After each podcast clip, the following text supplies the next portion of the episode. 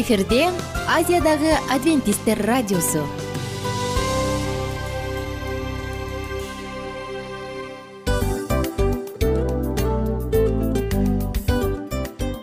Достор салют. Баардык сүйүктүү угармандарыбызга салам айтабыз. Кутман күнүңүздөр менен. Ден соолук өмүрдүн булагы демекчи саламат саамы программасында баарыңыздарды көргөнүбүзгө абдан кубанычтабыз. Анда алгач амандашып өтөлү арбаңыздар деп. Ден соолугуңуздар кандай элибизде көбүнчө ден соолук кандай дегенде эле жакшы деп жооп беребиз э? ооруп турсак дагы жакшы дейбиз. Анан мен муну айтып ойлойт элем бул абдан сонун сөз депчи анткени бул жакшы деген үмүт да э баары жакшы болот. Баары сонун. Деп үмүттөнүп атып эле өзүбүздү өзүбүз дарылап коебуз. Анысы кандай? Сиздин дагы ден соолугуңуз жакшы беш деген үмүттөбүз чындыгында ден соолук бул өмүрдүн булагы деп бекеринен айтылган эмес деп ойлойм. Кыргыз элинде анткени эгерде ден соолук жок болсо анда адамдын жашоосунда калган баардык керектүү маңыздуу нерселер өзүнүн баалуулугун жоготуп коет. Ошондуктан ден соолук бул эң керектүү нерсе. Ооба туура айтасың кесиптешим. Чынында ден соолугуң жок бир эки үч күн ооруп калсаң эле кандай болуп калат? Жашоодо көз каранды болуп каласың көп нерсеге жетишпей каласың көп нерсени кыла албай каласың жада калса эшикке дүкөнгө да чыга албай каласың. Туптуура анан ден соолук болсо демек биз биздин бактыбыз тоодой деп койсок болот. Анда достор саламат саамы рубрикабызды баштайлы. Алдыда өзүңүзгө керектүү болгон сонун кеңештерди уга аласыздар. Мына ошондуктан биз менен бирге болуңуздар. Ал эми биз болсо милан жана айнура. Кеттик алга. Алга саламат саама ден соолуктун жарчысы. Саламат саама ден соолуктун ачкычы. Күн сайын сиз үчүн мыкты кеңештер сонун жаңылыктар кызыктуу фактылар биздин рубрикада.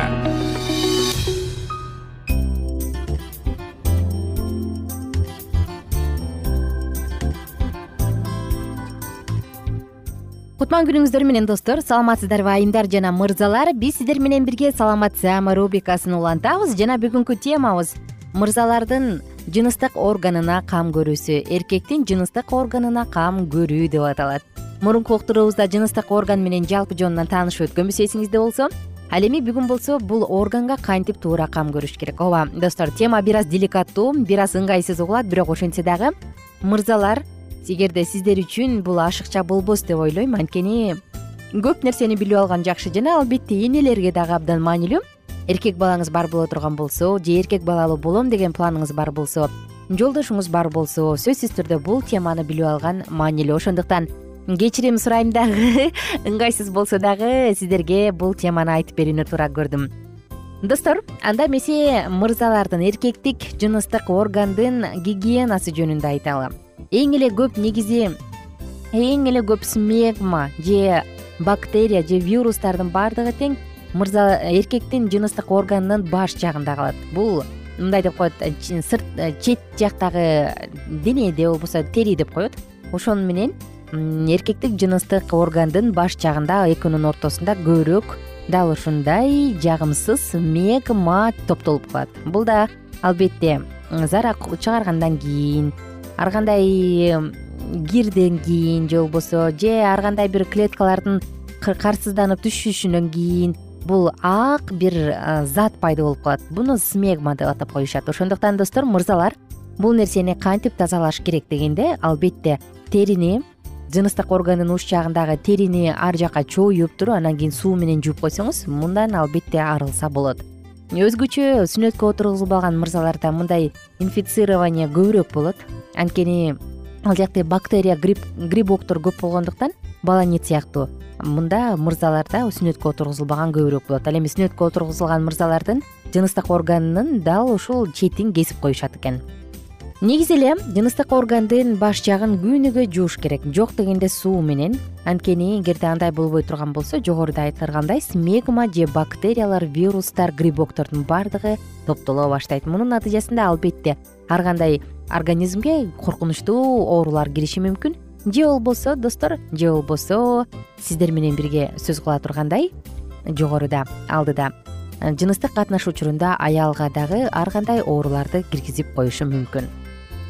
Жаман гигиенанын признактары кандай? Бул смегма жогоруда айтылгандай жыныстык органдын баш жагында бойдолгон ак зат. Ошондой эле баразда жыныстык органдын баш жагынын кир болушу жана чет жактарынын былжырап жабышчаак болушу. Мына булардын баардыгы тең жаман гигиена жөнүндө сөз кылат. Эми сиздер менен фимоз жөнүндө сөз кылсак. Мында жыныстык органдын баш жагын ары карай ачып баш жагын жууп коюуга мүмкүн эмес. Тагыраак айтканда териси жабышып калат. Мисалы бул кичинекей жаңы төрөлгөн балдарда тери жабышып аткан болсо нормалдуу көрүнүш. Эгерде фимоз үч жашка чейин такыр өтпөй атса анда демек ойлонуш керек үч жаштан өтүп калган балдардын токсон пайызынын четки дал ушул териси кыймылдуу болот. Эгерде андай болбой турган болсо анда чоң коркунучтар жаралат. Ошондой эле достор фимоз чоң адамдарда дагы кездешет жана канчалык ал чоң болуп канчалык адамдын жаш курагы чоңураак болгон сайын фимоз улам улам боло бере турган болсо анда албетте мында кыйын болуп калат негизи эле фимозду сүннөткө отургузуп же болбосо ар кандай майздар менен сүйкөп анан бир нече жуманын аралыгында гана араң айыктырышат. Эскертүү. Эгерде фимоз бар боло турган болсо жана баланын жыныстык органындагы тери баш жагындагы тери арт жакка ачылып ачылбай атса анда күч колдонбоңуз анын ордуна доктурга барыңыз дагы урологдун кеңеши менен анан андан ары дарылаңыз. Болбосо фимоз күчөп кетиши мүмкүн кийинки кезекте парафимоз парафимоз дагы бул эң эле коркунучтуу жагдай. Өзгөчө сүннөткө отургузулбаган мырзаларда көбүрөөк болот. Анткени тескерисинче мында фимоздо тери өйдө жакка ачылбай атса парафимоздо ар жакка ачылып калган тери кайра бери карай жабылбай калат. Мындай учурда кандай коркунучтар бар? Мындай учурда адамдын ал ошо мырзанын өзүнүн сезүүсү абдан жаман болот ооруйт жыныстык катнашта боло албайт мындай учурда сөзсүз түрдө медициналык жардамга кайрылуу зарыл. Анткени чоң ар кандай коркунучтар пайда болуп кетиши мүмкүн. Фимоз жана парафимоз жөнүндө сөз кылдык жана гигиена жөнүндө. Эми эркектик жыныстык органда кандай коркунучтуу симптомдор бар болсо доктурга кайрылыш керек келиңиздер ушул жөнүндө сөз кылалы. Мен азыр айта турган симптомдордун кайсы бири пайда болсо сөзсүз түрдө доктурга кайрылыңыз. Биринчи кезекте жыныстык органдын четки сырткы терисин ары карай толугу менен жылдыра албай атсаңыз анда сөзсүз түрдө же тескерисинче жаба албай жатсаңыз анда сөзсүз түрдө доктурга кайрылыңыз. Мейли бул өспүрүмдө болобу же чоң адамдабы айырмасы жок. Кийинки кезекте мырзанын жумурткаларын жакшылап басып кармалап көрүңүз эки кол менен экөөнү тең эгерде кандайдыр бир бугорок бар болсо же кичине шишик бар болсо же ичинде дөмпөйгөн бир зат бар боло турган болсо ал ооробаган күндө дагы сөзсүз түрдө доктурга кайрылыңыз. Жана парафимоздо сөзсүз түрдө доктурга кайрылыңыз. Спермада кан бар болсо анда дагы сөзсүз түрдө доктурга кайрылыңыз. Текшерерден мурун жыныстык орган толугу менен жакшылап таза суу менен жууңуз самындап жууп тазалап алыңыз дагы анан кийин баш бармак жана сүймө менен эки манжанын жардамы менен шишиктерди кандайдыр бир чогулуп калган бир катуу нерсени сөзсүз издеп кармалаңыз.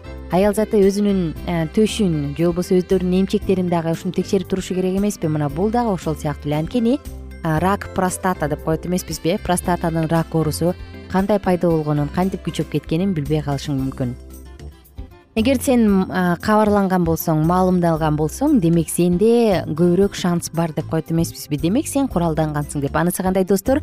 Биз дагы сиздердин оорубашыңыздарды каалайбыз. Баардык ар кандай дарт сизден алыс болушун каалайбыз. Ал үчүн биз айткан кеңештер сизге жардам берет деп ишенебиз. Кийинки уктурууда сиздер менен бирге сүннөт жөнүндө сөз кылабыз. Сүннөткө отургузуу чучок кесүүнүн плюс жана минус жактары баардыгын тең алдыда айтып беребиз. Кайрадан амандашканча сак саламатта туруңуздар.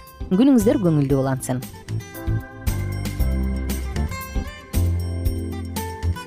кененирээк маалыматтар үчүн үч w чекит саламат чекит клуб сайтына келип таанышыңыздар.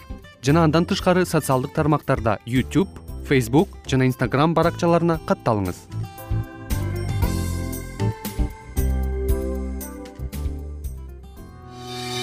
Саламат саама ден соолуктун жарчысы. Саламат саама ден соолуктун ачкычы. Күн сайын сиз үчүн мыкты кеңештер сонун жаңылыктар кызыктуу фактылар. Биздин рубрикада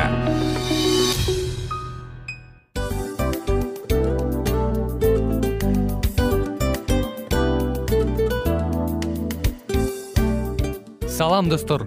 Кайрадан биздин сүйүктүү рубрикабызга кош келиңиздер деп айтмакчыбыз. Баардык замандаштарыбызга арбаңыздар деп саламыбызды айтабыз. Улуу ушундай бир э, урматтаган учурашуу менен анан дил маек радио баракчабызга чакырабыз. Негизи дил маек биздин рубрикабызда эмне жөнүндө кеп кылабыз? Бул дил маектин мааниси эмнеде? Рубрикабыз менен кичине тааныштырып кетсеңиз сөзсүз түрдө тааныштыра кетейин. Кесиптешим суранычы боюнча бул учурда бул радио баракчада биз ар тарап кесип ээлеринен сонун кеңештерди алабыз сүйлөшөбүз сырдашабыз. Аталарыбыздын эжелерибиздин апаларыбыздын кеңештерин угабыз. Айтор жан дүйнөгө адамдын э, сапатына адамдын деги эле адам болуп жашашына керектүү баардык кеңештер алдыда. Негизи э, дил маек дегенде баягы эки адамдын ортосундагы сырдашуу кенен сүйлөшүү. Негизи эле биз адамдар бири бирибиз менен бир жерге жай жерге отуруп алып өзүнчө тынч жашоо жөнүндө өмүрүбүздө эмне болуп атканын бөлүшкөнү жакшы көрөбүз э адамдар. Ооба туура айтасың. Анан мындай учурга кээде убакыт да жетпей келет э же болбосо сырыңды кайгыңды муңуңду кубанычыңды айткың келет а адамга ишенбешиң мүмкүн. Ооба. А бул радио баракча угармандарыбыздын чыныгы досу. Анткени бизден алган кеңеш сиздин жашооңузга чоң жардам берет. Ал эми сиздин бизге айта турган сөзүңүз ортодо гана сыр бойдон калат. Ошондуктан биздин дил маек рубрикабызга дагы бир жолу кош келиңиздер. Жана биз даярдаган маалыматтарга даяр болуңуздар. Айнура жана милан сиздер менен бирге алдыга кеттик ар түрдүү ардактуу кесип ээлеринен. Алтын сөздөр жүрөк ачышкан сыр чачышкан сонун маек. Дил маек рубрикасында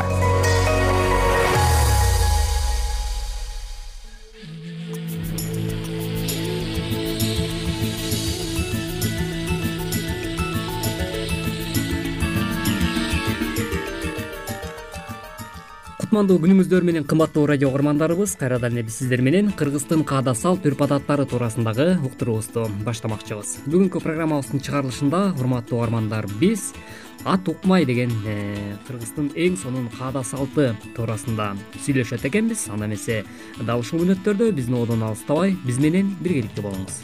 Кесиптешим айтсаң деги эле сен ушул ат укмай деген кыргыздын каада салты бар экен да эң сонун. Ушул жөнүндө уктуң белең саламатсыңарбы достор. Чынында бул жөнүндө мен укпаптырмын.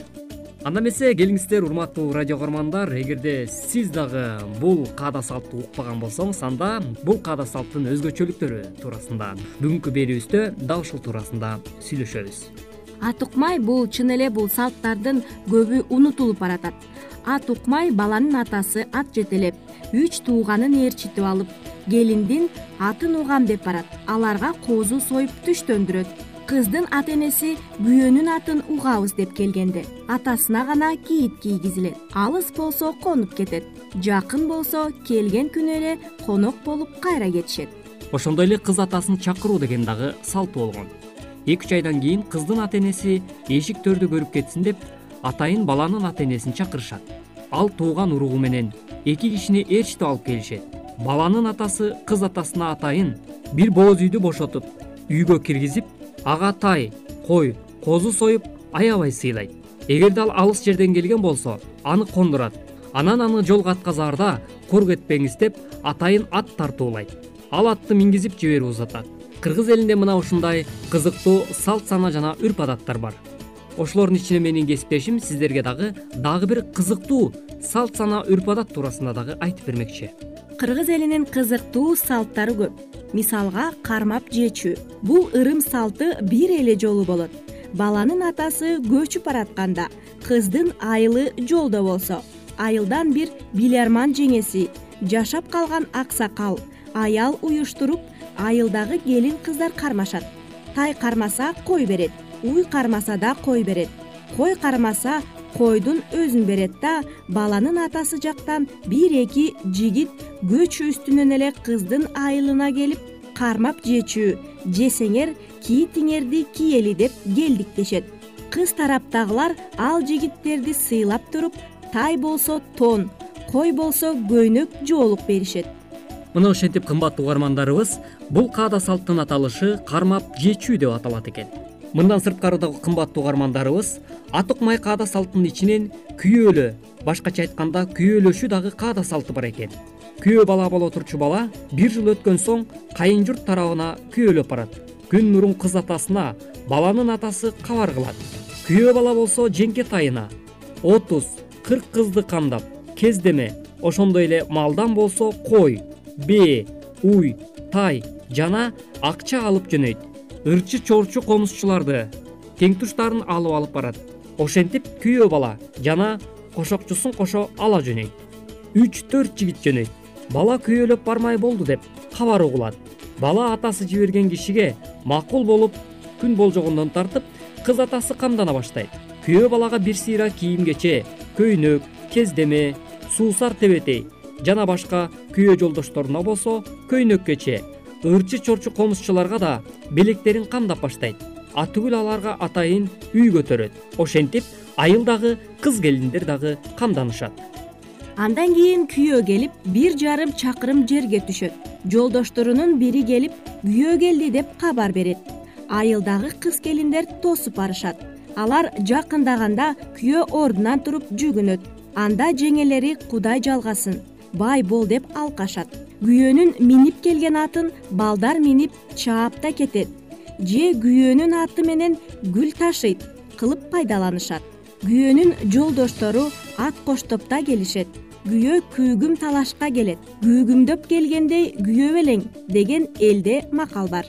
Күйөөнүн канжыгасындагы жан баштыгын чечип андагы бөйрөк шыйрак керчөө жана ушу сыяктууларды алып чогулуп жейишет күйөө жолдоштор жана кыз жактан барган кыз келиндер баары чогуу жөө келишет да баягы атайын көтөрүлгөн үйгө киришет. Анан жакшылап чайланат кыз келиндер алып келип чай беришет. Шыкаалашуу бул шыкаалашуудагы максат күйөө кыздын кимиси мурун көрсө. Ошол өктөм болуп керек деген ырым боюнча калынат. Көбүнчө кыз мурун көрүп коет.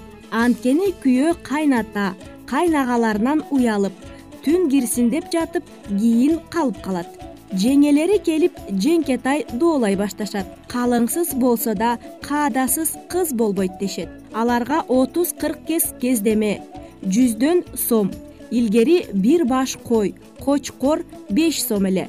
Акчаны жеңеси аркылуу кайнененин колуна өткөрүлөт ал жакшы саналуу абысын ажындарын жыйнап алып жеңкетайды кашык салганга кашык сал деп. Мен жеңкетай жеген абысындарыма берем деп. Өз билгениндей кылып кездеме акча бөлүштүрүп таратат. Конок камын кылып союп тай кой аракеттерин кыла беришет. Күйөө жолдош ырчы комузчулар менен келин кыздар шыңкылдашып ойноп отура беришет анан жеңелери жүз көрүшүүнүн аракетине киреше башташат. Көтөрүлгөн үйгө күйөө кирип отурганда балдыздардын баардыгы келип чогуу күйөөдөн жогору отурушат. Жакындары жакын отурат. Келин кесектер маңдай жака жана төмөн жака отурушат. Кол таштап бир гана эңкейип баш урат күйөө же күйөө жолдош. Күйөө жолдошту абдан тандап өтө тың жигит алат жеңелерден да бирөө өтө тың болуп башчылык кылат. Күйөө жолдош чөк түшүп отурушат. Бул эрежени бузса жеңелери келип күйөө жолдошту тизеге чапкылап отургузушат. Жеңкетайды мурун башкы жеңеси эле бөлүштүрчү кийин гана энесине жеткирип энеси бөлүштүрүүчү болду мына ошентип кымбаттуу радио каармандарыбыз бизге бөлүнгөн убактыбыз дагы өз соңуна келип жетип калды. Бүгүнкү программабыздын чыгарылышында сиздер кыргыз элинин каада салттарынын ичинен ат тукмай деген каада салттар туурасындагы радио уктуруубузга кулак сала алдыңыз. Уктуруубузга кулак салганыңыз үчүн ыраазычылык билгизебиз. Кайрадан эле биз сиздер менен дал ушул ободон үн алышканча сак саламатта болуңуз ар түрдүү ардактуу кесип ээлеринен алтын сөздөр жүрөк ачышкан сыр чачышкан сонун маек дил маек рубрикасында.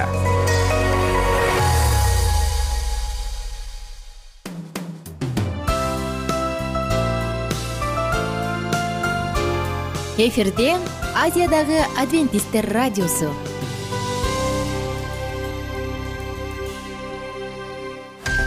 жан дүйнөңдү байыткан жүрөгүңдү азыктанткан жашооңо маңыз тартуулаган жан азык рубрикасы.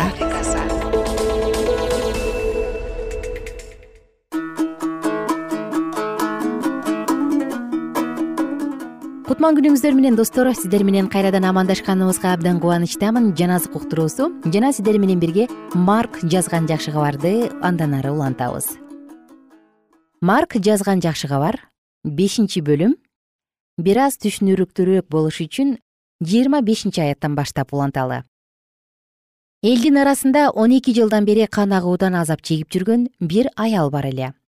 Ал көп дарыгерлерге көрүнүп колунда болгонун бүт түгөткөн бирок оорусунан айыкпай абалы начарлай берген.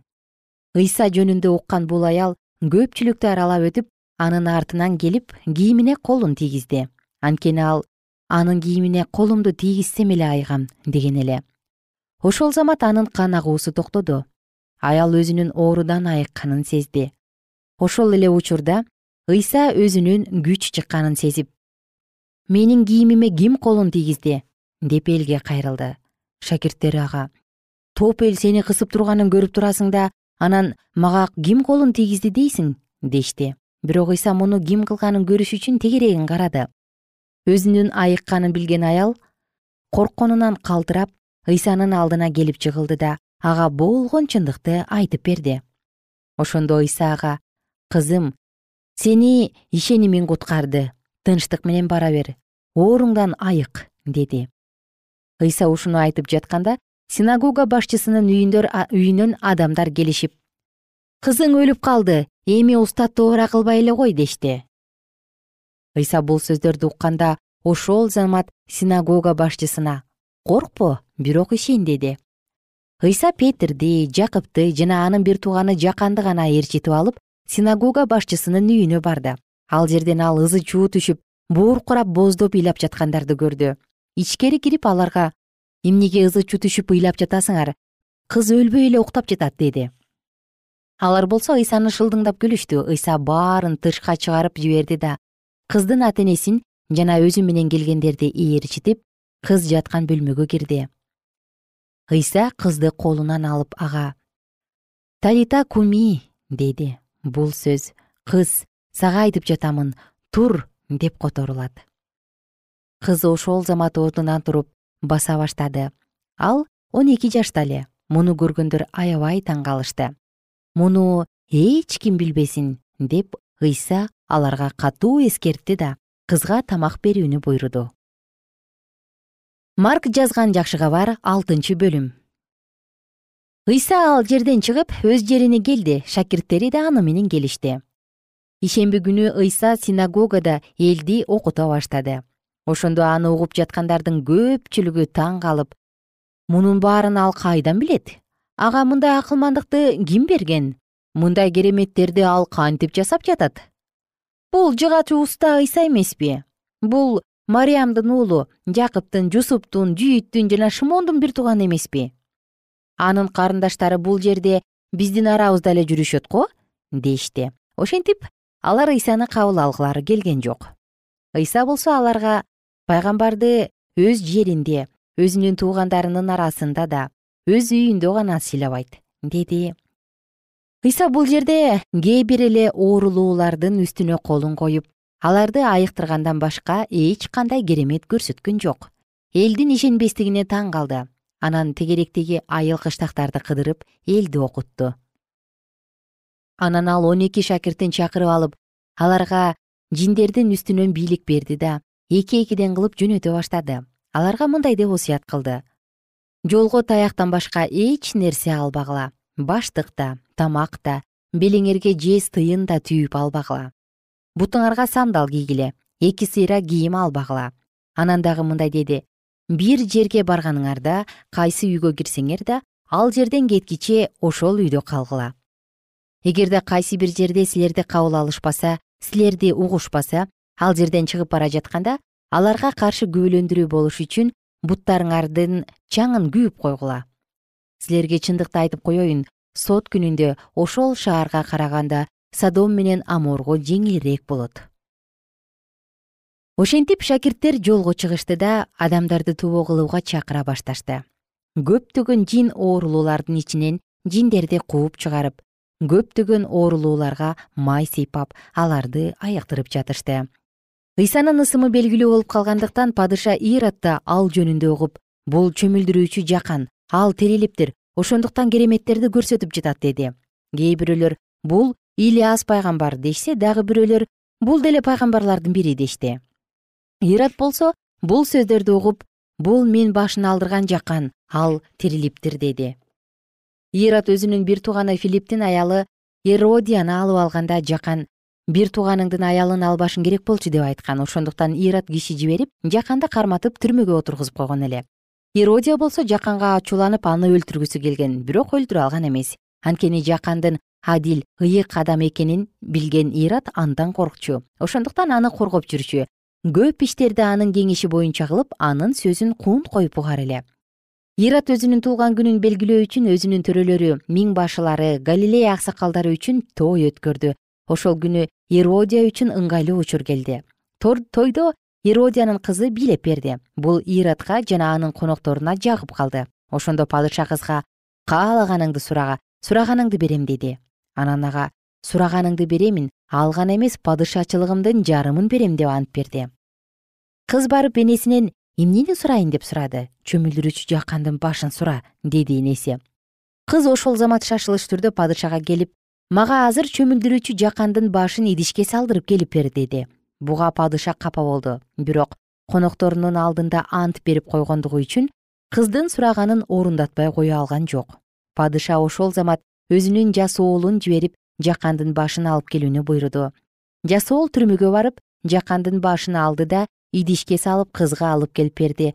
Кыз аны энесине алып барып берди. Муну уккан жакандын шакирттери келишти да анын сөөгүн алып мүрзөгө коюшту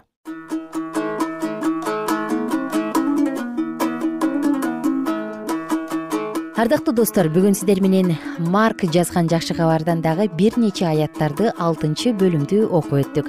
Жалпы угармандарыбызга кааларыбыз айтылган сөздөр жүрөгүңүздө эң жакшы жерине себилип сөзсүз түрдө тирүү үрөндөрдү алып келсе экен. Кайрадан кийинки уктуруудан амандашканча күнүңүздөр көңүлдүү улансын бар болуңуздар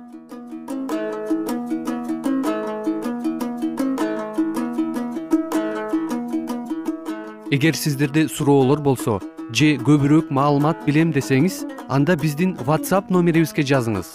Плюс бир үч жүз бир жети жүз алтымыш алтымыш жетимиш. Кайрадан плюс бир үч жүз бир жети жүз алтымыш алтымыш жетимиш